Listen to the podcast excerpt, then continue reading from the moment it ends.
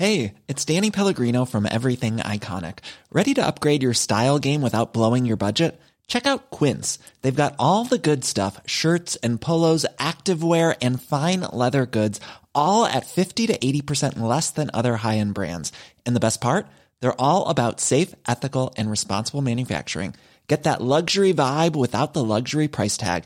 Hit up quince.com slash upgrade for free shipping and 365 day returns on your next order. That's quince.com slash upgrade. One size fits all seems like a good idea for clothes until you try them on. Same goes for healthcare. That's why United Healthcare offers flexible, budget friendly coverage for medical, vision, dental, and more. Learn more at uh1.com. Quality sleep is essential. That's why the Sleep Number Smart Bed is designed for your ever evolving sleep needs. Need a bed that's firmer or softer on either side? Helps you sleep at a comfortable temperature? Sleep Number Smart Beds let you individualize your comfort so you sleep better together. JD Power ranks Sleep Number number 1 in customer satisfaction with mattresses purchased in-store. And now, save 50% on the Sleep Number limited edition Smart Bed for a limited time. For JD Power 2023 award information, visit jdpower.com/awards. Only at a Sleep Number store or sleepnumber.com.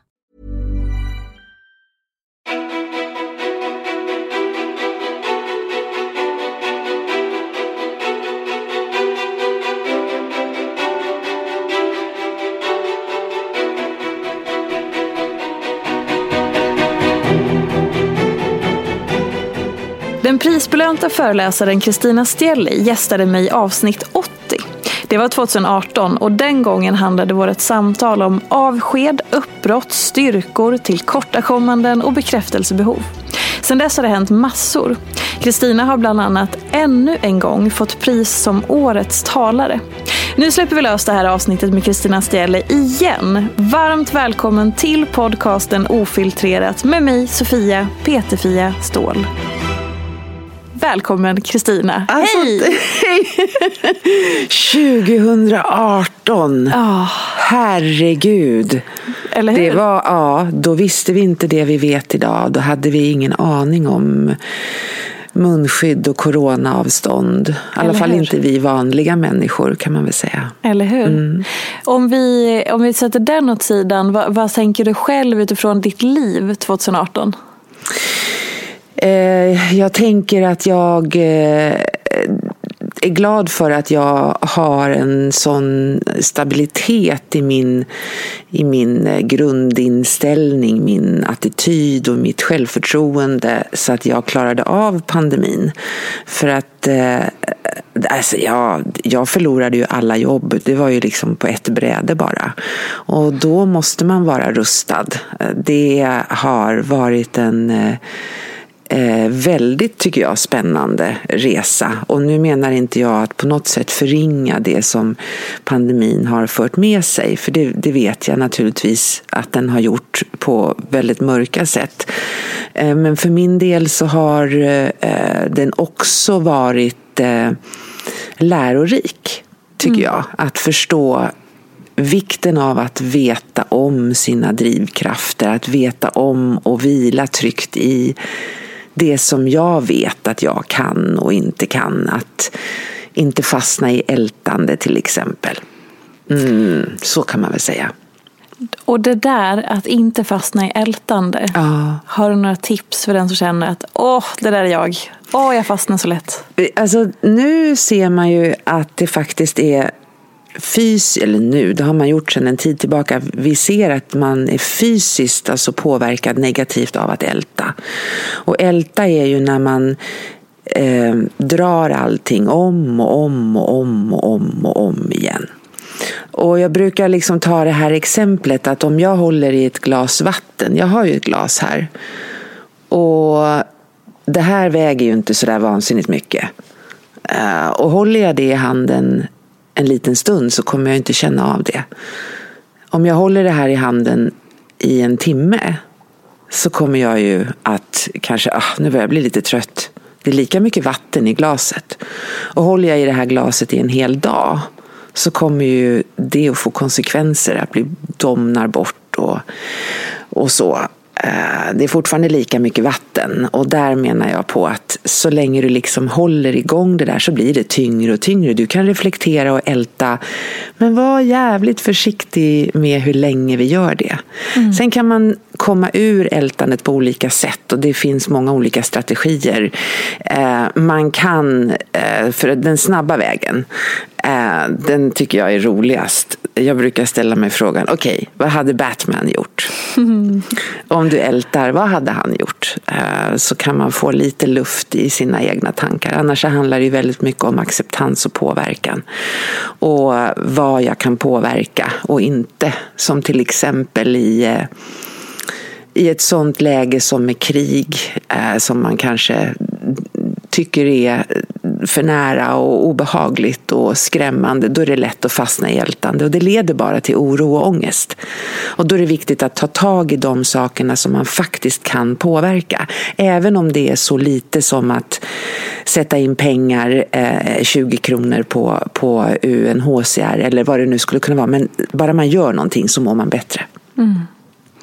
Vad brukar Batman svara när du använder den eh, till dig själv? Oj, ja, du, alltså jag är ju, jag är ju eh, en, jag är ju en berättare. Alltså jag tror att det har följt med mig hela vägen. Jag älskar, jag älskar filmer, jag älskar berättelser eh, så att jag ser väl framför mig mera. Eh, och vad han hade gjort. Om jag ältar till exempel att eh, eh, ja, vad ska vi ta? Ja, men jag kanske, jag kanske ältar lite grann att ska jag göra det där i helgen eller ska jag inte göra det där i helgen? Alltså, jag vet inte om jag vill egentligen.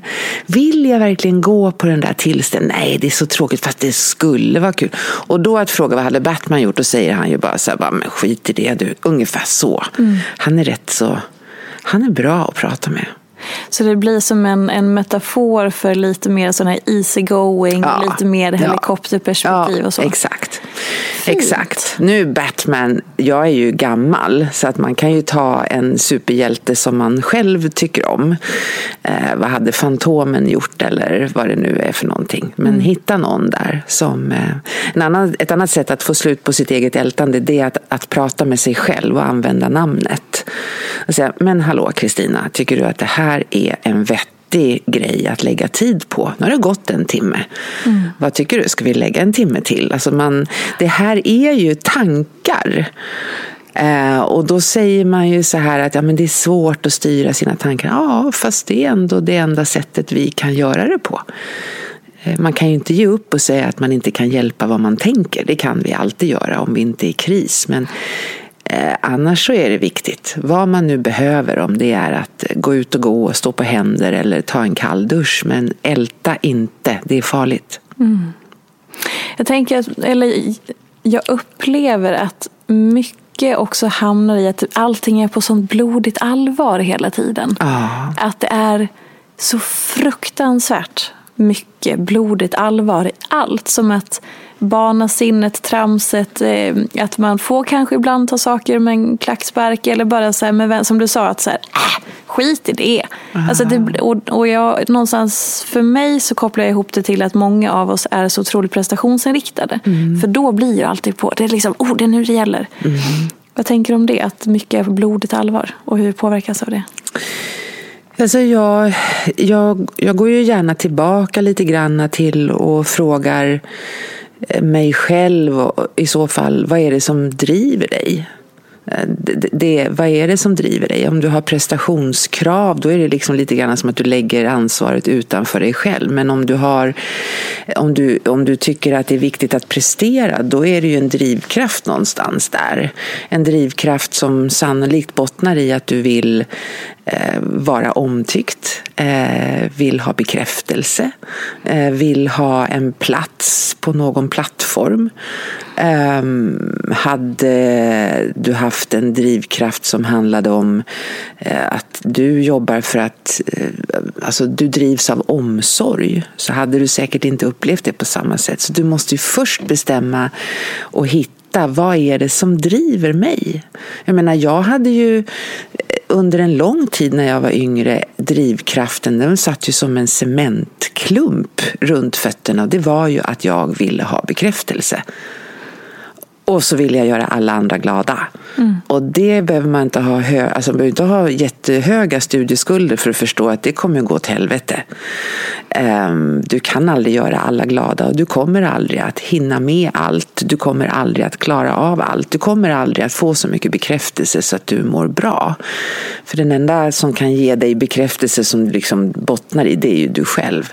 Och om man tittar lite granna på jag läser just nu en bok som är väldigt eh, den är lite läskig men eh, jag tycker om den. Den eh, heter 4000 veckor. Det är vad vi har på oss. Eh, sen är det slut. Oh, vilken liten hisnande känsla mm. fick i magen när du sa så. Mm. Har vi 4000 veckor? Ja. Okej, okay. berätta mer. Eh, och, men, alltså, det är inte ens 4000 för du måste ta bort lite tid för sömn och, och så. Mm. Eh, men alltså, man kan eh, vända på det, eller man kan baka om det och säga att vi har 29 000 dagar om jag lever tills jag blir 85. Det är inte så svårt att räkna ut. Och sen så måste man ta bort en tredjedel av de dagarna, för det är den tiden som vi sover. Och sen behöver man, oftast då så menar man på att man tar bort en fjärdedel av det som finns kvar där. För det är den tiden som vi är små bebisar. Mm. Då fattar vi inte någonting. Eh, eller så är vi så dementa så att vi inte förstår någonting. Så då säger man att då tar vi bort de dagarna, det är ingen kvalitetstid. Så vi har 14 000 dagar netto om vi, har, om vi lever tills vi blir 85. Och då menar man här i den här boken att vi har en sån kapacitet i hjärnan och vi har så mycket verktyg, vi har så många möjligheter men vi har inte tid för allt. Mm. Så att det, det, liksom finns ingen, det finns ingen bok, menar de på, och det är väl det som jag tycker om med den här. Det finns ingen bok som talar om för dig att du kommer inte hinna det här. Mm. Eh, det finns däremot så här bara, maxa din tid, eh, nå dina mål. Fast det, det kommer, du kommer inte hinna. För livet finns ju där också. Eh, så att den här boken handlar om Eh, det, man kan säga att det är en agenda för den tiden som vi har. Och då är frågan, vad är det som är viktigt då för mig? Är det att eh, Alltså de här prestations... Vad bottnar de i för någonting? Och vad är det som är viktigt för mig att göra idag? Um, jag, eh, jag lever ju i det här hela tiden. Det är inte så att jag har, åh oh, gud, jag har sån panik för jag ska dö. Absolut inte, men jag vill ju fan gå och lägga mig på kvällen och känna att jag har varit ärlig i det jag gör och att jag har gjort bra saker. Mm. Det vill jag. Vad är det som gör, eh, eller vad är det som triggar den här känslan av att boken är läskig för dig? Um att eh, så jag känner inte att jag är rädd för att dö. Jag känner inte mig rädd för att lämna någon heller, för jag vet att de som jag älskar, de klarar sig. Men jag tycker det är läskigt för att det är så många som går runt och tror att de inte kommer att dö. Mm. Alltså det är så många som jag tycker så här, men varför, ja, varför lägger du tid på det där för? När, imorgon är det ju bara 4316 dagar kvar. Um, det, ja, jag kan bli lite ledsen på när man liksom lägger tid på att bråka om saker eller man läser om grannar som slåss om en häck eller alltså, vad är det som är viktigt egentligen? Så, ehm, då kan jag tycka att det är, inte minst också för det, det som händer i världen nu när du och jag sitter här, det är ju att vi har för första gången i Europa så är det ett land som invaderar ett annat land eh, på rätt lång tid. Och det mm, Ja, det, så kan man också använda sin tid på jorden. Jag, jag, tror ju att vi är här för att göra bra saker. Gud, jag låter som värsta flummen. Nej, det är, är det någonstans är välkommet med flum så är det i detta rum. Ja, det är det. Det här är flumrummet. Det är så välkommet. Men alltså, det, ja, vad ska jag säga? Utifrån att jag själv också har jobbat med människor och eh, eh, hälsa eller välmående de senaste elva åren Så, så, hur man än håller på och pratar om hälsa, välmående, hur mår man bra, den här stora frågan. Så, så här, någonting som, är någon, som jag uppfattar är någon slags nyckel, det är hela tiden att komma tillbaka till perspektiv. Mm. För det är ju det du någonstans pratar, alltså så här, sätt saker i perspektiv. Liksom, som om vi pratar också om flum eller universum, att så här, vi är så små. Uh. Och apropå då det du säger att så här, men välj vad du lägger. Gör, ta ett aktivt val och så vidare. Stanna inte kvar i det här. Och så, perspektiv. Perspektiv är ju jätteviktigt men jag måste också, då måste jag ju också vara eh, grundad i vad, hur, mina, hur mitt sätt att se på det är och mm. att, att jag också för det tror jag vi pratade om förra gången att vi tränar kroppen men vi behöver ju också, jag tycker ju det är det roligaste jag vet att förstå varför, men Kristina, varför reagerar du så där? Mm. Alltså, och jag har ju en bästis som, som eh, när jag kan ringa henne och, och jag ringde henne här en dag och så, ah, nu blir jag så förbannad för att det kommer ut en tant i, i, ur min port och säger så här och så här. Jaha, säger hon, vad spännande. Vill du att jag ska berätta för dig vad det handlar om? Ja, nej, jo, okej, okay, berätta. och då måste man alltid liksom, jag tycker det är så spännande att lära mig. Det finns alltid i alla reaktioner, särskilt när du blir arg, där har du ju mest att lära dig. Mm. Alltså där är det ju som en guldgruva.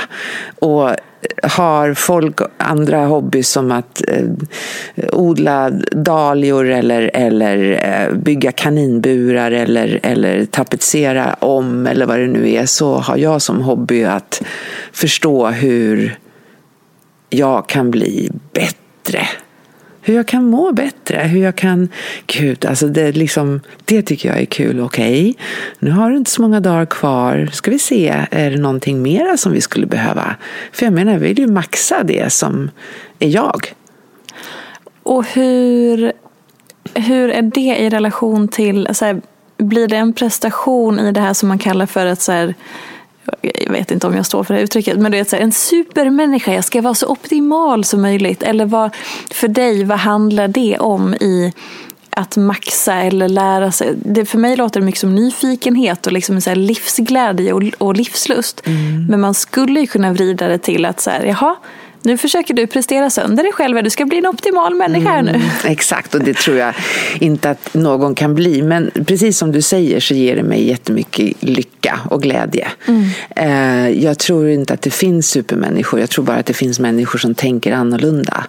Eh, och eh, för mig är ju det jag vet ju vad som gör mig glad. Uh, och jag tycker om att vara glad. Mm. Uh, jag vet också att jag inte tycker att det är jättesuperviktigt att gå runt och vara arg.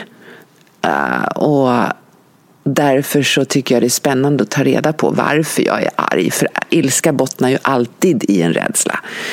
Uh, och så får man reda på, ah, du är arg för att du är rädd för det, vad spännande. Och så börjar man tråckla, jag tycker det är, jag tycker det är roligt. Och nu måste vi stanna lite här. Arg bottnar alltid i en rädsla, eller ja. ilska bottnar alltid i en rädsla. Mm. Berätta mer. Uh, vi är ju eh, rätt så primitiva eh, och blir man rädd så blir det oftast kopplat till en ilska, alltså man blir förbannad. Mm. Och eh, då behöver man ta reda på vad det är för någonting som är, vad är det för någonting jag är rädd för. Eh, I det här fallet jag kan ta olika exempel. Att jag till exempel eh, blir arg när jag ska komma och hålla en föreläsning. Um, Blir och, du det? Ja, då kan jag ha blivit. Numera är ju jag väldigt sällan arg, men uh, bara på döda ting och det ska vi också komma till. Uh, jag är arg när jag kommer in på en, i en lokal där jag ska föreläsa. Men vad fan, har ni inte... Jag har ju sagt att jag ska ha tjocka pennor. Alltså, var är ståbordet någonstans? Hallå? Alltså, är det någon som är ansvarig här? Där kan jag landa. Och ilskan bottnar i en rädsla. Och rädslan där är, vad tror du? Ehm, att, du, att det är kopplat till det du ska göra Exakt. eller framföra, Ja. eller din prestation eller Exakt. leverans. Ja. Gissar jag. Ja. Ja. Så jag är rädd för att det jag ska göra på scenen inte kommer att bli bra. Just det. Och då när du hittar den rädslan, då kan du agera på ett annat sätt. Då kan du vara liksom, men gud, du är rädd för att du inte ska prestera, är bra att göra en bra leverans framför de här som jobbar på IVA i Linköping. Men det kommer du att göra, det kommer att bli bra. Eller när jag eh, eh, fick reda på varför jag var så arg. Jag har inte haft bil på länge, många, många år. För jag blir så arg när jag sätter mig bakom ratten. Mina döttrar vill inte, nej jag vill inte åka bil med dig. För jag börjar liksom, helvete vad de kör och fakta kan jag sitta och skrika. Och då är det ju viktigt att ta reda på varför är jag arg. Och jag, det första jag tänkte var det är för att alla andra är dumma i huvudet. Eh, Det är spännande siffror. 90 procent av alla som blir tillfrågade säger att de är bättre än en genomsnittlig förare. Så jag tänker att ja, alla, alla rötägg, det är de jag hamnar i. Men då är det ju alltid någonting där som är hotat. Om du är rädd så är det någonting som är hotat. Och för mig var det ju så att det som var hotat, det var ju mitt liv. Mm. Jag var ju rädd för att krocka. Jag var rädd för att eh, köra på någon. Jag var rädd för att missa att någon ligger i någon vinkel. Alltså, jag är rädd för att, att, att, att dö i en bilolycka. Det är klart som fan att jag blir arg då. I korrelation till att det handlar om mitt liv. Så vad ska jag göra då med den? Ja, antingen så kanske jag, om jag är så rädd, så kanske jag helt enkelt inte ska köra bil. Eller också kanske jag ska gå och ta repetitionskurser så att jag inte blir rädd. Men du måste veta att det alltid bottnar i en rädsla. Alltid. Alltså det är så otroligt skönt att lyssna på det där resonemanget. För tänk vilken gåva. Ja. Att All- förstå det menar Ja, du? ja. Exakt. Att koppla ihop det och så dra den dit och liksom allt det där. Bara, åh, vad skönt. Jag tänker att alltid, du kan alltid tänka, för det här är ju en del i självledarskapet som jag tycker att alla borde gå i skolan från början. Det att, att lära sig, vad är det hos dig som är hotat när du blir så arg? För det, och så kan man då när man får den där frågan ifrån sig själv eller från någon som, som liksom kan spegla en så kan man för att det är ingenting som är hotat. Jag är förbannad. Ehm, och det finns så många, det finns så många så här, jag var ju så arg, jag var ju så arg på snö. Underbart. Alltså varför jag då? hatar snö.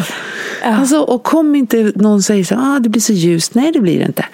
Eh, och det är så mysigt. Nej, det är inte ett dugg mysigt. Och jag har varit så arg på snön. Och det här var ju, då, då var jag ju tvungen här i november som jag pratade lite grann med, eller reflektera. Varför är du arg på snön? Uh, och jag är ju arg på snön för jag är rädd för att ramla. Ja, såklart. Mm, jag är rädd. Jag har brutit handen en gång. Eh, jag, har, eh, jag har ramlat. Jag har fått höra att jag åker skidor som en klant, ett klantarsel. Jag eh, har eh, eh, ramlat, slagit ut en tand. Du vet, sådana saker. Så snö är inte min grej. Eh, för att jag är rädd för att göra mig illa. Och då, varför, okej, då är det den rädslan. Ska vi kanske sätta på sig ett par skor som är bättre? Eller du kan ju köpa så här icebugs eller ja, du vet. Så koppla alltid, fråga dig själv, vad är det som är hotat? Och du har väl små barn, har du inte det? Blir du arg på dem någon gång? Ja, gud. En, ja, en dotter. Ja, det, det händer ju absolut. Ja, och det är oftast också det kopplat till en, en rädsla. Du vet när ungen står på köksbänken med en kniv och man bara för helvete. Och det är ju, där är det tydligt. Ja. Men det är hela tiden den, det resonemanget som man kan föra. Vad var det som eh, gjorde dig då arg eller rädd med damen i porten? Då? Ja, alltså, åh, ska jag verkligen berätta det? Det blir ju så här, ja, eh, nej, hon eh, sa så här eh, till mig, för jag hade min rullväska, en kabinväska. Jag skulle åka tåg eh, till någon föreläsning, jag minns inte. Jo, jag skulle åka och föreläsa, jag gör ju gratisjobb på skolor, så jag skulle till en föreläsning på en gymnasieskola i Vara. Eh, och... Då säger hon så här, jaha, så då ska du ut och resa igen? Tänkte bara, håll käften. Alltså vad fan, vad, vad är det? Och så ringer min vän då precis. Alltså varför ska de säga så? Mm. Och då säger hon så här, vill du veta varför du blir så arg? Ja, det vill jag. Fast jag brukar säga, nej det vill jag inte.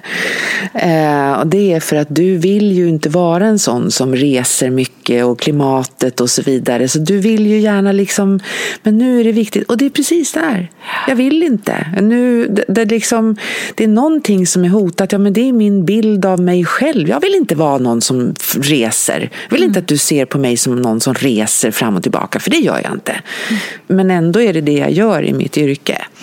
Så att, eh, då är min självbild lite grann där som är hotad och den är också spännande. Gud vad intressant. Mm. Man kan ju sätta egentligen allt i helt an, en helt annan kontext när man unnar sig att gå från rädslan, ilskan till vad är hotat? Vad är jag rädd för? Exakt. Alltså, du har gett alla våra lyssnare, och mig själv, alla som hör det här, en gåva. Vad bra. Gud vad fint. Den har jag fått av eh, någon som har lärt mig det här. Och ja. Hon heter Yvonne. Eh, så att eh, jag har gått eh, många, alltså, många år i utbildning för att, och det är det här som jag tycker är så spännande.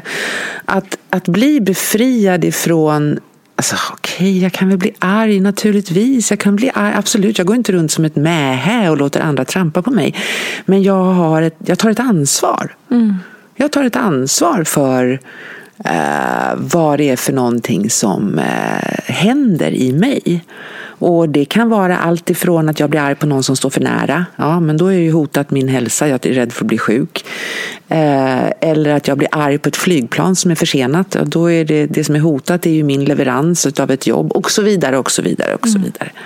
Så att, och där kan det väl också vara intressant just här, i relationer där man kanske blir sur eller rent av arg och bråk, till exempel med en partner eller familjemedlem eller sådär.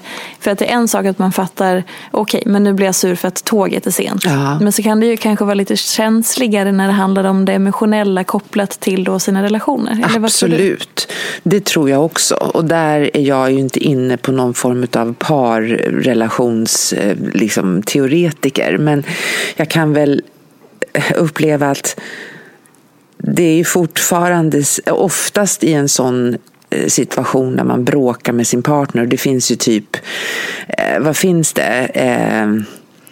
Eh, en eller två saker med alla bråkar om. Jag kommer inte ihåg, det var någon som sa någonting som var så spännande. Men då är det ju oftast då att det som är hotat hos mig där är att du inte ska tycka om mig. Mm. Att jag inte är omtyckt. Det som är hotat hos mig är att du inte ska tycka att jag är bra. Det som är hotat hos mig är att du inte tycker att jag tar mitt ansvar, att du tycker att jag är dålig. Eh, där är det viktigt att, att liksom ta reda på, eh, och, och, då kommer det in mycket prestige. Det måste ju vara en tvåvägskommunikation, att man sitter ner och säger varför blir du så arg nu? Ja, men jag är rädd för att du ska tycka att jag är en usel mamma. Och så får man liksom prata därifrån. Men jag skulle ju hävda att, att det här är sånt man behöver förstå och lära sig. Precis likväl som man behöver förstå och lära sig att för att vara hållbar måste jag äta. Jag kan inte äta ostbågar varje dag för det är superopraktiskt. Eh, jag kan inte, jag, jag, måste röra på mig ibland för vi vet att det hjälper oss och, och, så. Det är samma sak här. Det här är en träning. Det här är, och det är det som är min hobby lite grann. Att jag tycker mm. det är spännande. Tycker det är spännande. Och just det där, den där med nyfikenheten och att här, jag tycker att det är spännande. Det Alltså att, att, det är nästan någonting som man kan behöva tillåta sig att vara i. Apropå det här att inte bara vara i det blodiga allvaret utan också så här, hmm, vad händer nu? Vi får Exakt. väl se. Och det är ju lite ett förhållningssätt till saker och ting ja. som är lite sådär, jaha, mm. nej men gud. Mm. Och redan där förflyttar man sig till en helt annan plats inuti sig själv, upplever jag själv i alla fall. Och den kan ju vara ganska sund, vill mm. jag påstå. Precis så.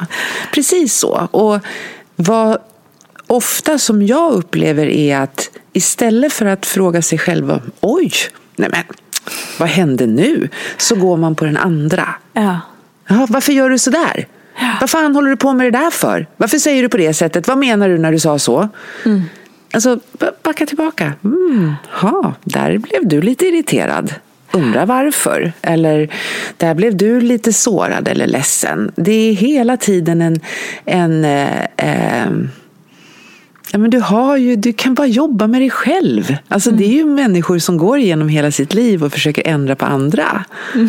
Det är så spännande också. Jag tror att eh, Eh, det är mycket tid då, om vi pratar om vilken tid vi har på oss, som går åt till att försöka ändra på någon annan. Mm. Nej men ta det, det, här som jag, jag ser liksom mig själv som en, ett, en, ja, en hobbyverksamhet. jag tycker det är kul. Jag tycker verkligen att det är roligt eh, och jag mår bra utav det. Fint. Och vi kastar oss tillbaka några minuter när du sa skil, eh, inte älta och reflektera. Och eh, jag skulle vilja tro, eller jag vill tro, att många upplever det som att älta är något negativt och reflektera något positivt. Hur ser du på det? Ja, alltså eh, det är två helt olika saker skulle jag säga. Mm. Um, att älta är ju att, att fastna i en spiral. Att eh, dra det om och om igen. Att hålla det här vattenglaset länge, länge, länge. Eh, att inte hitta vägen ut. Att älta ehm, Ja, men att älta liksom att vi, vi, vi tar någonting som är rätt. Eh, som är rätt eh, alltså det, jag är ju inte någon människa som är känd för att och inte vara liksom personlig. Men sen en tid tillbaka så har jag eh, alltså, levt själv. Och jag hade en kort relation med en man som jag tyckte väldigt mycket om. Um, och det blev ingenting. Och att då gå runt, om vi tar det. Mm. Varför blev det inte? Var, och hur kom det sig? Och varför? Och så vidare. Det är att älta. Mm. Du kan inte påverka det här på något sätt. Utan du har stoppat in den här personen i huvudet. I det här fallet en person. Det kan vara ett jobb. Mm. Varför klarar jag inte av det där? Varför kommer Nettan alltid och förstör? Och så vidare. Eh, när du drar det runt om och om igen. Och jag har ju det här helt färskt. Du kan tillåta dig att älta ett tag. För det behöver vi för att kunna landa i processen och så. Men sen måste vi styra om. För att det, något av det värsta vi kan göra det är att vara att göra oss själva hjälplösa. Och det gör man ju oftast genom att älta någonting som, och det är ju nästan alltid en oförrätt, mm. eh, som man tycker att man har blivit eh, utsatt för, eller någon sorg, eller någonting som man är ledsen för. Eh, det är att älta och det måste man ta sig ur. Eh, att reflektera, det är ju att eh, ja, vad ska vi säga, det är lite grann som att stretcha efter ett träningspass. Mm. Alltså det, du, du, eh, jag jobbar ju med många som har det i, sitt arbets, i sina arbetsuppgifter. Eh, bland annat, eh, jag var på en förskola någonstans i Sverige i ett extremt utsatt område. Eh, och Eh, de har handledare som eh, de reflekterar tillsammans med. Vad man gör då är att försöka se sina egna beteenden och sina eg sitt eget agerande. Det är ju en del i att utvecklas själv. Så att det är två helt olika saker. Det ena är mm. stängt och det andra är öppet och framåt. Mm.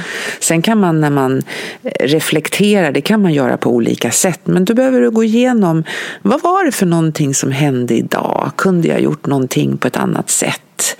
Eh, är det någonting jag behöver tänka på imorgon? Är det någonting jag saknar? Eh, alltså, bara liksom egentligen få ner det på en sida i en, en dagbok. För du sa det då att okay, man reflektera och älta ska man inte göra för mycket.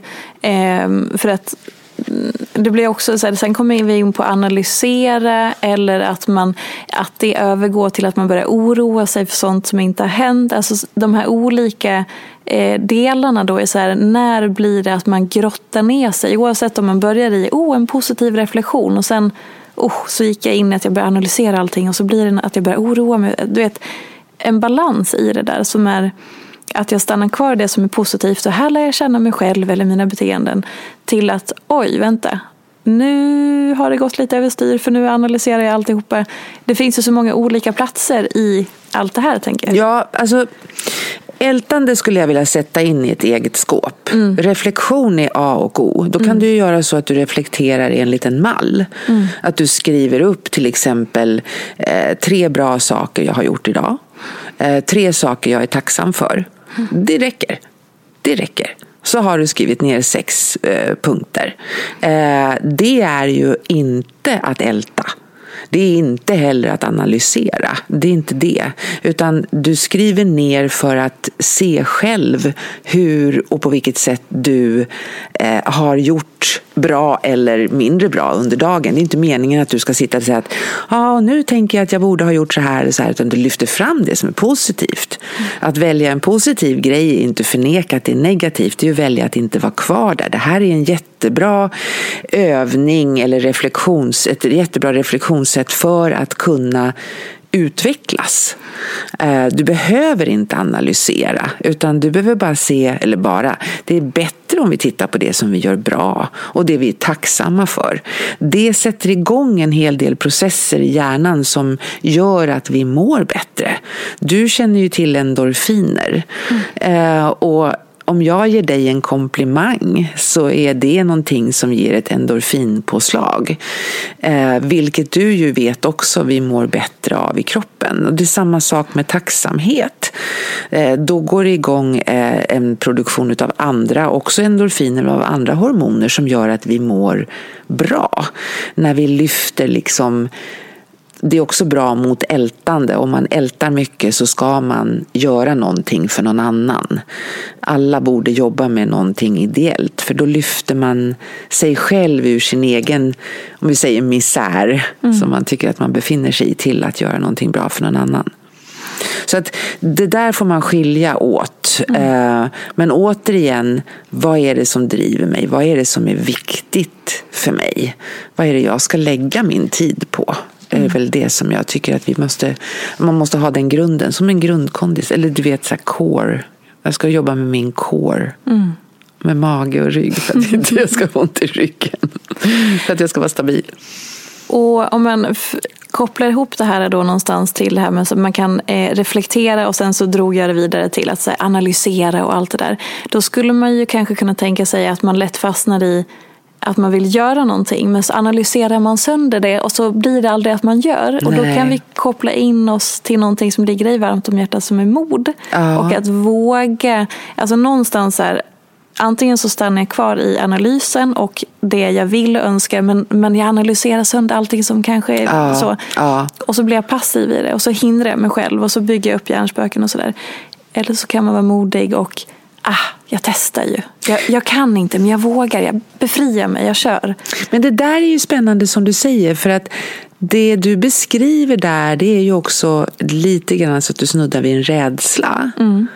Alltså att, eh, att eh, man analyserar och till slut så vågar man inte. Ehm, och jag menar, gud, det är ju inget konstigt alls. För att det finns ju mycket att vara rädd för. Mm. Men det är ju också... Alltså jag vill ju inte på något sätt... Det, jag, jag, jag, kan inte säga allting som vi kan vara rädda för. Ehm, för människor är rädda för många olika saker. En del är rädda för social interaktion eller rädda för... Men om vi tar de, de sakerna som oftast förenar oss, att vi är rädda för att misslyckas. Mm så är ju det en väldigt eh, grund... Alltså det är väldigt normalstört. Mm. Att vara rädd för att misslyckas. För vi är ju, vi är ju flockdjur. Och en flock så måste alla vara så här tipptopp. Eh, alla måste liksom vara bra. Och om jag misslyckas så är jag rädd för att någon ska tycka att jag är dålig. Eh, jag får skämmas. Eh, kanske till och med så får jag inte vara med. Jag får inte vara med i gemenskapen om jag misslyckas. Och det här tycker jag är spännande för att det är ju bara när vi misslyckas som vi lär oss någonting. Mm. Alltså, det är ju aldrig, det är så, eller hur? Ja. Det är bara när det går åt helvete som man lär sig någonting. Gud ja. Eh, och, och jag kan tänka så här när man hade en fyraåring som skulle lära sig cykla. Det brukar jag ta det exemplet ibland. Om vi nu pratar om att alla, eller väldigt många vuxna är rädda för att misslyckas. Okej, vi säger vi har den här ungen då som är fyra år som ska sätta sig på cykeln och så då iväg bara liksom. Och alla barn ramlar, mm. eller hur? Ja, men det finns ju inte en förälder i världen som säger nej, cykel var ingenting för dig. Då ställer vi undan den. Mm. Så får vi hitta på något annat till dig för du fick en chans. Och nu har du visat att du inte kan. Mm. Utan vi säger ju till barnet att upp igen. Kom igen nu. Du behöver bara träna. Det är samma sak i livet. Och att misslyckas är ju den största gåvan. Men då måste man ju också veta och det är det vi, kom, vi börjar prata om, att du kan falla tillbaka i en grundtrygghet där du har, en själv, du har tränat självkänslan och självförtroendet och du vet allt det här. Mm. Men eh, jag tror ju att eh, det är ju det är ju väldigt många som vill utvecklas om du liksom träffar dina kompisar så skulle du säkert, om du frågar så här, hej, vem utav er vill inte utvecklas? Mm. Så skulle nog ingen säga, så här, jag vill ju helst inte utvecklas. För ja. många vill ju det, det låter fint. Men utveckling går aldrig utan förändring.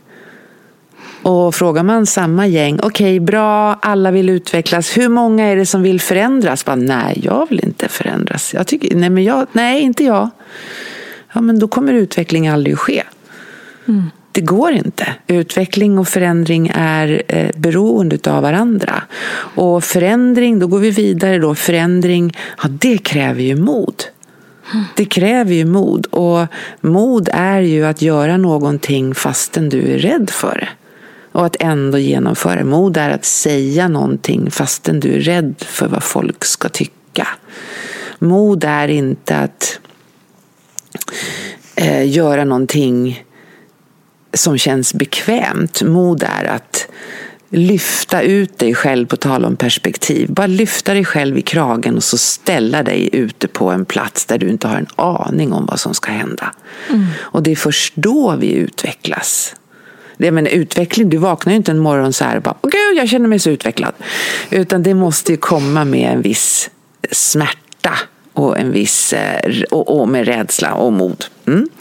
Men är inte det intressant då också att så här, för alla de här delarna är ju så rimliga. Alltså när, man, när, man, när man tänker på det, när man hör om det, när man är, är det så bara ja men gud det låter så himla rimligt alltihopa. Mm. Och det, det, det, tror jag de flesta bara säger ja hundra procent jag är med. Mm. Mm. Och sen bara ah, mm. nej men gud. Vad ska man göra? Och, och jag tror också att eh, Eh, om, vi, om jag bara tittar, eller så blickar tillbaka på allt som vi har pratat om hittills. Mm. Så är liksom den här konflikten i att våga, våga tillåta sig att vara den man är. Mm. Med att så här, livet suger ibland, jag är inte perfekt, jag lär mig. Det här är helt normalt att jag har den här perioden. Det betyder inte att det är fel på mig och så vidare. Eller så mot att också hålla fasaden för omvärlden på något vis. Eller att man ska liksom visa upp någonting för att annars så bedöms jag. Eller det blir som att det blir liksom en konflikt där man Ja, jag vet inte. Jag förstår hur du menar. Ja. Men då är det, eh, och återigen, tillbaka till det basala som mm. jag tycker att folk eh, som jag ibland möter hoppar över alldeles för fort. Du måste träna det mentala. Mm. Alltså, om du är rädd för vad omvärlden tycker, ja då har vi problem med en otränad självkänsla, en självbild som vi, allting går att träna. Mm. Allting går att träna. Men det är liksom bara, åh, jag orkar inte. Alltså vadå, vad ska man göra då? Det finns böcker, det finns utbildningar. Varför skulle det vara fel att gå en utbildning för att bli stark mentalt? Men det är helt okej okay att liksom gå en utbildning för att eh, eh bli eh, stark löpare eller att eh, eh bli duktig på, en, en eh, på att hantera Excel. Mm. Då är det helt okej. Okay. Mm. Men det här är ju den personliga utvecklingen, den mentala utvecklingen, den tycker jag är så eftersatt. Alltså.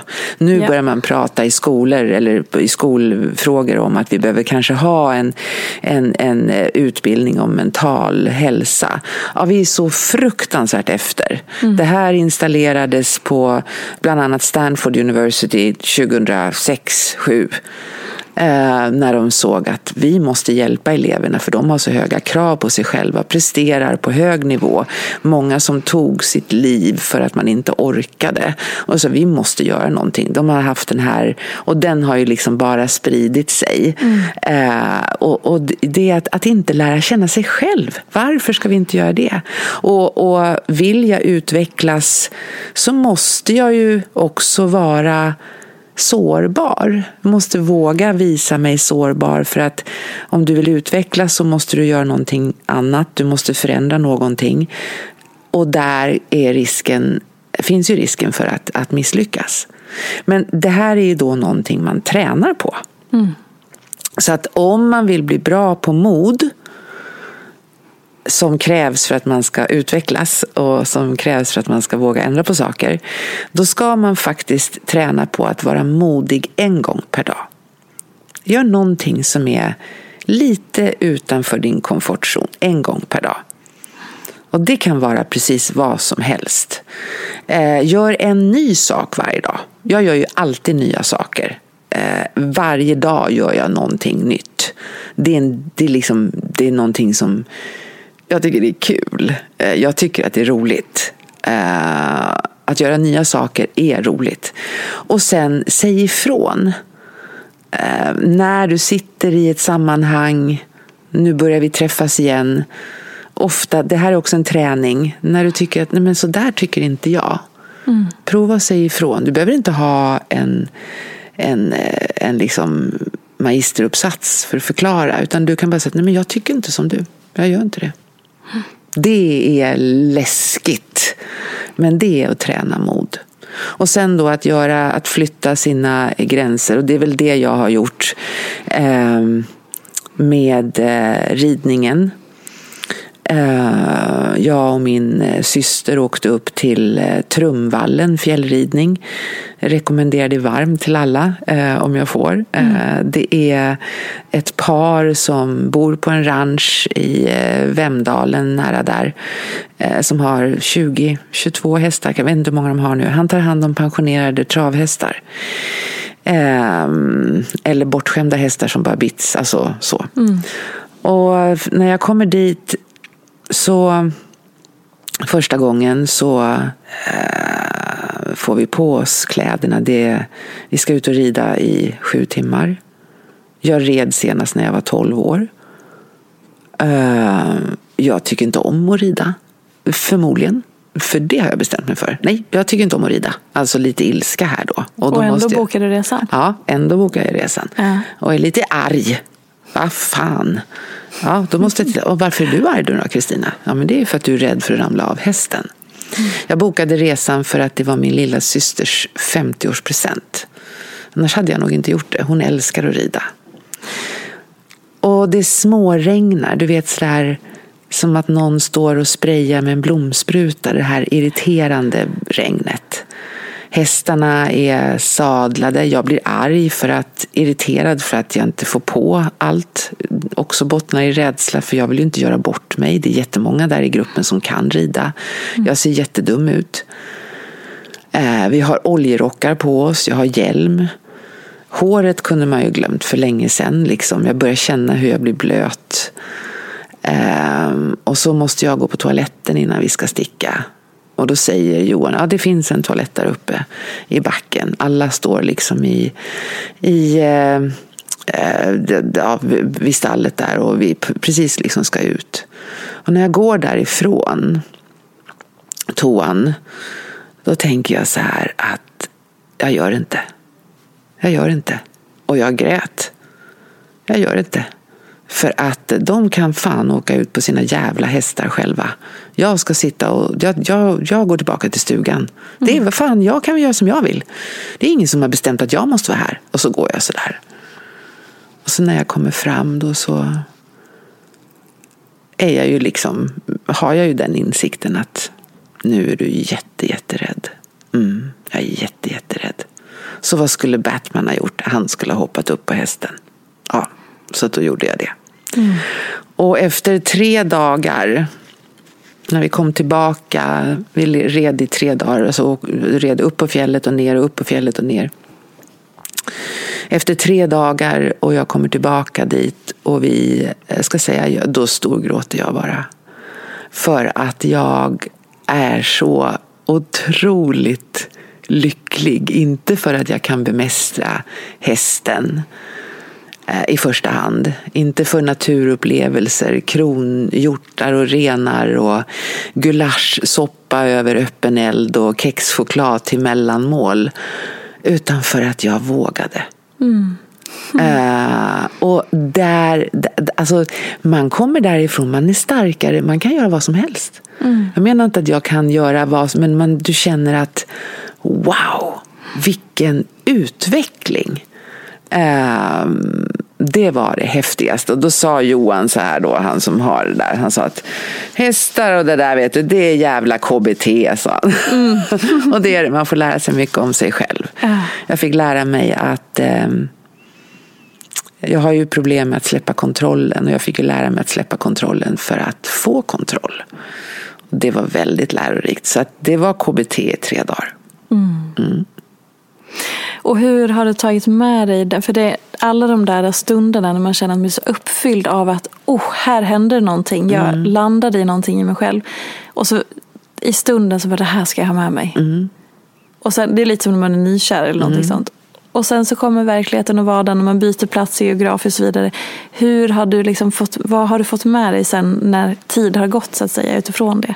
Att det går inte att fly ifrån det eftersom det sätter sig, eh, eftersom det är en del utav en, en utveckling. Det är ju det som har försvunnit, det är ju dofterna och, och alltså hästupplevelsen, även om jag har varit där flera gånger nu. Men, men det som sitter är just att det där gick bra. Mm. Du, och, och just det här också att, att Försök att släppa kontrollen. Du kan inte kontrollera allting. Mm. Alla de sakerna har jag med mig väldigt tydligt i bilder. Eh, jag har med mig en eh, en ödmjukhet eh, som jag säkert hade innan också, men en ödmjukhet för, för eh, hästen som är så jävla alltså, kraftig och stark och eh, allt det där. Eh, det som jag tog med mig var ju framförallt då att jag kan. Ehm, det är lite grann som Pippi Långstrump tror jag. Var det inte hon som sa det där har jag aldrig gjort, då kan jag det säkert. Mm. Um, och det har ju gjort att jag har tagit mig an jobb som jag inte skulle ha tagit mig an innan. Absolut inte. Uh, för jag, nej men jag kan jag kan det här.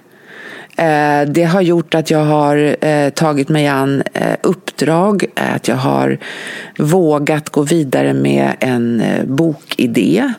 Det har gjort att jag har eh, eh, vågat vara med i olika sammanhang eller att sitta så här och prata.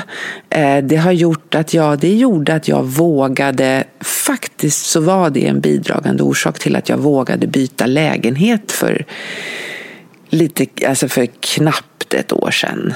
En stor liksom händelse i mitt liv. Det gjorde ridningen gjorde definitivt att jag vågade gå in i en relation. Och det var den första relationen jag har haft sedan eh, rätt lång tid tillbaka. Så det är det, det jag menar med utveckling. Om du går utanför din bekvämlighetszon och du är asrädd så att du liksom håller på att få en hjärtinfarkt och Eh, det är då du hamnar på en annan plats. Mm. Uh, och det tycker jag är lite dumt att inte testa, som jag upplever för mig själv. För jag har inte så mycket tid på mig. Så jag vill ju testa, okej, okay, vad gör det hmm, vad jag, om jag gör det här, undrar vad som händer då? Det tycker jag är spännande. Mm. Gud vad fint. Och vad många ringar på vattnet det har gett, bara av det du berättade. Det gör, ja, ja, absolut. Absolut. Ja. Uh, det är lite småläskigt eh, om man tänker på om jag inte hade gjort det. och nu, nu har jag ju liksom lärt mig att eh, Eh, det där gör mig att utmana mig själv och att träna på mod och förstå att förändring eller att utveckling kräver förändring har ju gjort att jag är intresserad av mera. Och eh, jag har ju då som sagt var inte tyckt om snö. Eh, och för två veckor sedan tror jag, eh, någon gång i mitten på februari då, så tänkte jag, jaha, vad fan, varför är jag så arg på snön? måste vi ta reda på, vad är det, är det verkligen så? Mm. Så jag har ju aldrig varit i Alperna. Jag har ju bara åkt i någon jävla så här, sluttning i Sverige. Det tar tre timmar i liften med två småbarn som vill kissa när overallerna sitter på. Och sen tar det tre minuter ner. Ja men typ så. Det är min skidåkning. Uh, och uh, så jag bokade, och det här var faktiskt läskigare än ridningen. Jag bokade tur och retur till italienska alperna. Jag bokade hotell, jag har aldrig varit där. Jag bokade skidlärare på nätet. Jag bokade all utrustning. Eh, och jag bokade, och jag vet att jag sa de jävla pjäxorna. Eh, så bokade allt det. Jag bokade byxor, jacka, hjälm, glasögon. Det enda jag hade med mig var vantar. Åkte ner med handbagage. Och eh, en lördag, bara för en vecka sedan då ungefär, så står jag i min mundering. Ehm, italienarna är fantastiska. De var så här, är du bra på att åka skidor? Nej, inte mycket va? För jag har ju då fått höra av eh, människor som har varit mig nära förut att du ser ju verkligen inte klok ut, du kan inte åka sådär. Så att det är bara... Um, och det gör ju någonting med en uh, när man inte är så trygg i sig själv. Och då frågar de på butiken, är du bra på att åka? Nej, jag är inte bra. Då ska du ha snygga kläder. Det är bra om man har snygga kläder om man inte kan åka. Och så kommer jag till skidläraren. Vad och jag, fint. Ja, de är så fina. Så jag känner mig så... Alltså här var det verkligen, jag lägger hela min själ på en tallrik. För jag är så sårbar när jag står där utanför den här skidlärarkuren. Och de går runt där och jag ser på dem att de har åkt skidor sedan de var fem år. Och överallt så går det folk och ser helt så här vana ut. Och där står jag och det känns som att jag står med byxorna nere. Och så frågar han mig, läraren då, frågar mig, var är du på en skala från 1 till 10? Och det enda jag vill säga är, ta hand om mig. Jag är jätterädd. Och då sa jag, jag är nog en ja, fyra, femma. Ja, då blir det barnbacken, sa han. Och jag tänker bara, gud vad jag skäms. Och så åker man upp i barnbacken och då åker man på ett sånt här rullband. Och det går liksom väldigt långsamt. Jag kryper fortare. Och så säger jag, nu när du kommer upp där så måste du tänka på det här. Ja, ja, ja, ja, ja. Och när vi åker det här rullbandet, på vänster sida så sitter vuxna människor och dricker vin och äter lunch. Och på höger sida så åker barnen och i mitten står jag.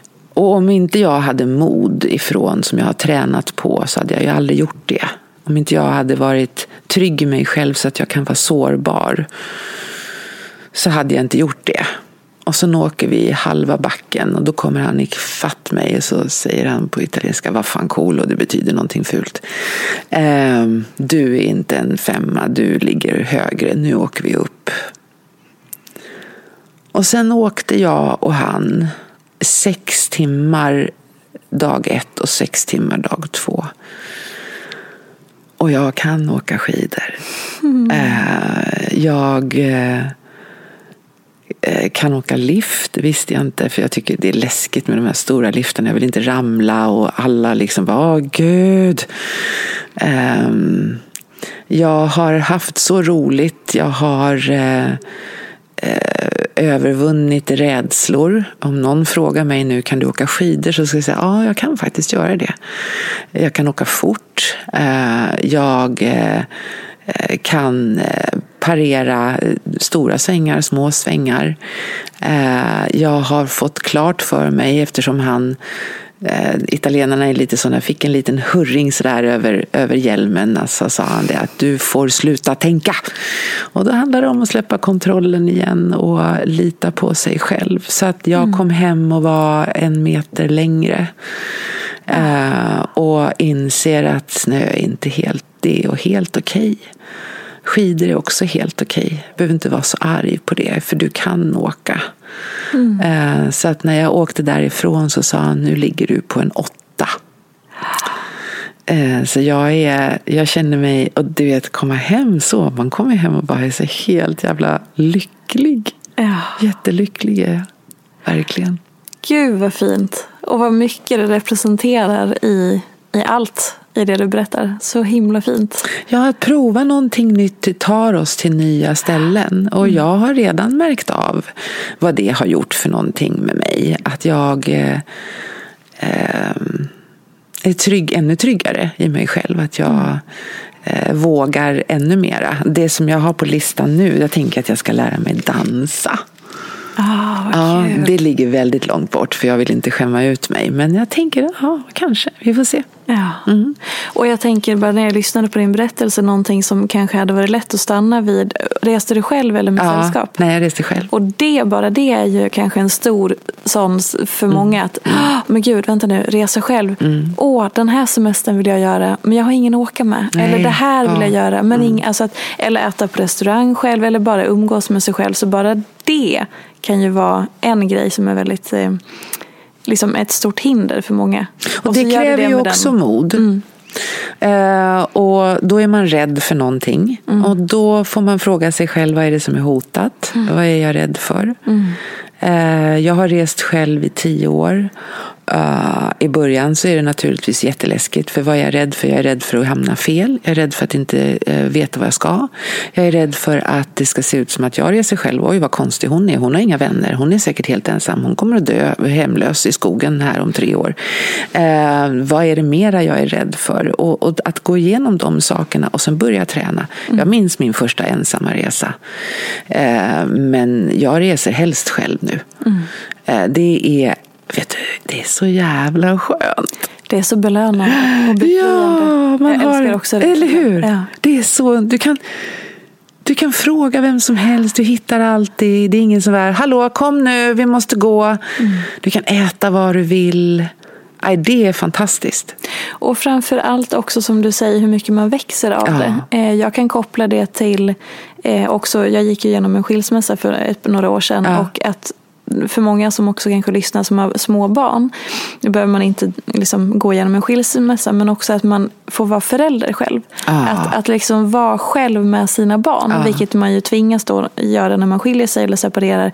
Men också kanske inom familjelivets ramar, att också så här, vara den ensamma föräldern. För mm. fasen vad man växer. Ja, visst gör man det. Ah, fy fasen alltså. Visst gör man det. Det jag kan verkligen rekommendera, som sagt, jag behöver inte rekommendera att separera, men att, va, att på något vis ta kommando i det, att få vara ensamförälder på något vis i vissa stunder eller på något, sam alltså på något vis. Man växer ja, om man har en partner som man delar det med. Absolut, precis. Eh, det är inte alla som har. Eh, så att det, där är det, att vara ensam är, jag hade ju Karin och Sara själv ifrån det att de var 12 och 10 år. Och mm. att vara ensam med dem, med barn, upp i tonåren eh, tills dess att de flyttar hemifrån. Det är fruktansvärt jobbigt. Mm. Eh, oerhört läskigt. Eh, men att ha någon att dela det med, då är det en, absolut fantastiskt. Mm. Så det ska man ju mm. alltid sträva efter förstås. Ja. Och jag tänker allting som man gör i livet just som man får göra själv. Mm. Jag har en kompis som nyligen startade eget företag uh. och som har varit anställd hela sitt liv och så börjar men vänta nu, är det jag som ska ta de här besluten? För jag har ingen chef att fråga. Nej men gud, det, jaha, nej ja, men gud. Ja. Wow! Ja. och allt vad det innebär. Och det är också kopplat till mod, mm. eller hur? Mm, och, och, utveckling. Och jag mm. tror ju någonstans att med de här 4000 veckorna som vi har så vad ska vi göra? Vad finns det för mening med livet? Mm. Och för mig är ju meningen med livet att, att fylla det med mening. Mm. Eh, det är A och O. Och det gör man var och en på sitt sätt. Och eh, Bara man är snäll och omtänksam eh, och inte en dum rövhatt så ska det nog gå bra. Innan vi avrundar med sista frågan ja. som alla mina gäster får så vill jag bara återkoppla till det du sa om att du gör eh, någonting nytt varje dag. Mm. För då kanske man, så här, man kan ju föreställa sig tusen grejer men kan du ge några exempel då på vad det skulle kunna vara eller vad det kan vara? Ja, det finns mycket. Eh, det var, nu är inte det nytt längre, men, eh, eller ja, det är det väl i och för sig. Jag har ju börjat åka elskoter eh, och du vet första gången jag skulle göra det, då, då blev jag så här, men gud vad jag kan. Så jag byter lite sånt. Jag föreläser på akuten så de säger sluta åka elskoter. Mm. Men jag har sagt att jag har hjälm och då sa de okej. Okay. Eh, så det kan man testa. Eh, man kan ta en buss åt ett annat håll. Om du har tid så ta en buss åt fel håll. Eh, det kan hända massor av saker. Du behöver liksom inte lägga mer än en kvart, 20 minuter. Eh, byt kaffekopp. Det är alltid så att man har en bestämd kaffekopp, men byt den.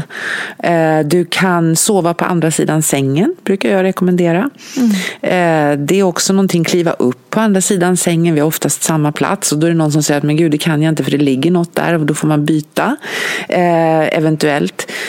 Du kan, om man går ut och äter dagens lunch, gå någon annanstans. Prata med en annan kollega. Det finns de här små mikroskopiska sakerna som vi kan göra. Mm. Handla på en annan matbutik. Eh, gör en maträtt som du aldrig har gjort förut. Eh, det finns en massa saker som är... Eh, och när man ska göra en maträtt man aldrig gjort förut, och nu har vi ju internet. Om du skriver in, det här gjorde jag vid några tillfällen, du skriver in fem ingredienser som du tycker är goda. Och så googlar du eh, de fem. Och då får du oftast upp ett recept som har dem och så gör du det.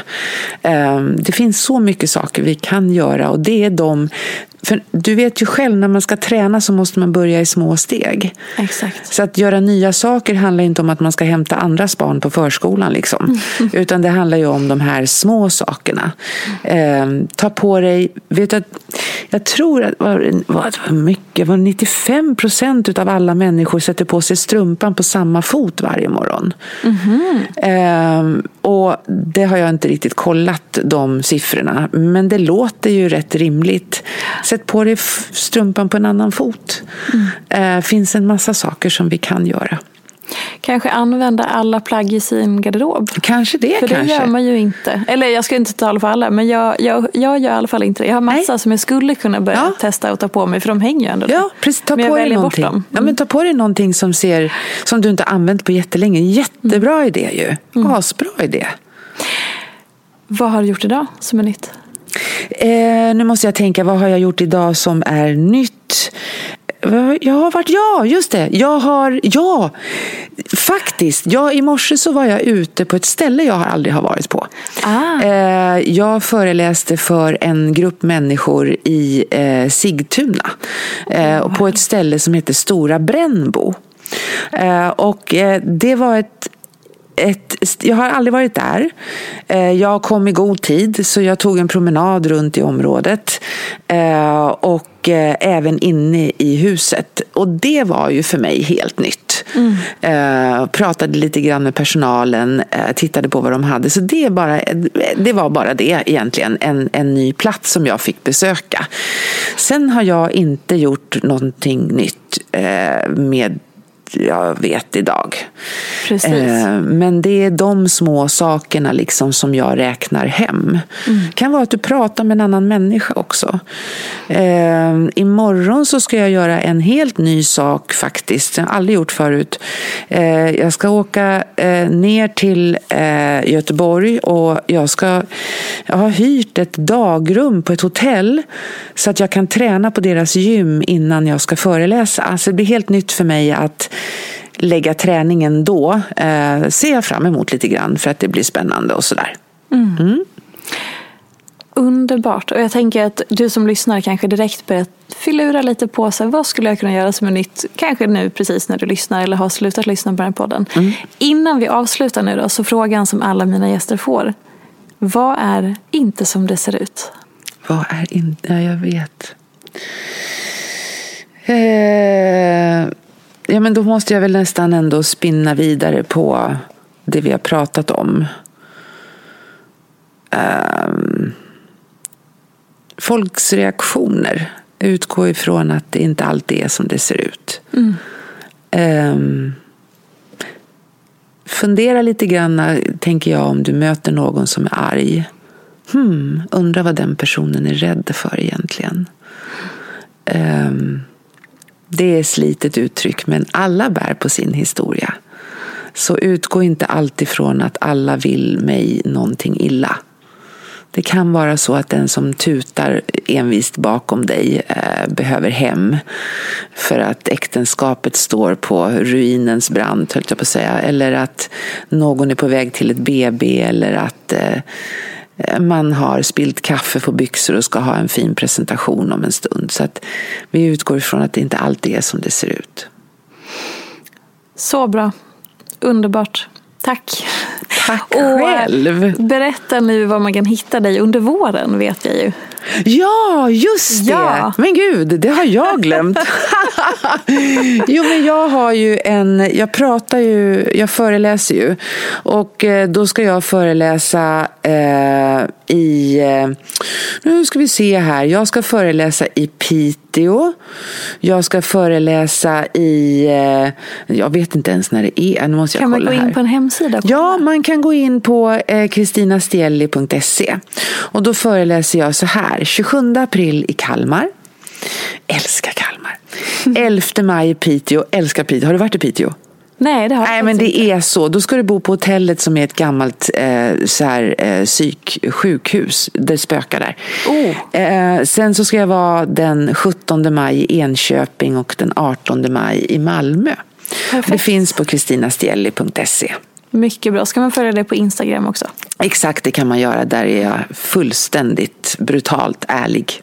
Kristina Stielli även där ju. Ja, det stämmer. Tusen tack och jag hoppas att det inte går eh, flera år tills vi ses igen. Nej, det får du inte göra. Tack snälla du. Tack. Tack till dig och tack till alla som har lyssnat. Vi hörs igen nästa vecka. Och ta med er saker från detta avsnitt för det var många verktyg som vi fick ta del av. Så tack så jättemycket. Puss och kram. Hej då!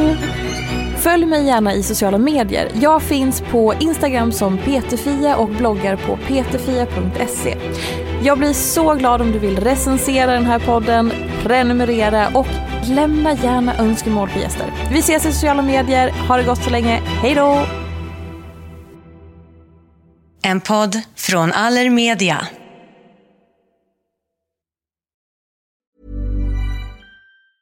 Have catch yourself eating the same flavorless dinner three days in a row? Dreaming of something better? Well, HelloFresh is your guilt-free dream come true, baby. It's me, Gigi Palmer. Let's wake up those taste buds with hot, juicy pecan-crusted chicken or garlic butter shrimp scampi. Mm. Hello Fresh. Stop dreaming of all the delicious possibilities and dig in at HelloFresh.com. Let's get this dinner party started. Planning for your next trip? Elevate your travel style with Quince. Quince has all the jet setting essentials you'll want for your next getaway, like European linen, premium luggage options, buttery soft Italian leather bags, and so much more. And is all priced at 50 to 80% less than similar brands.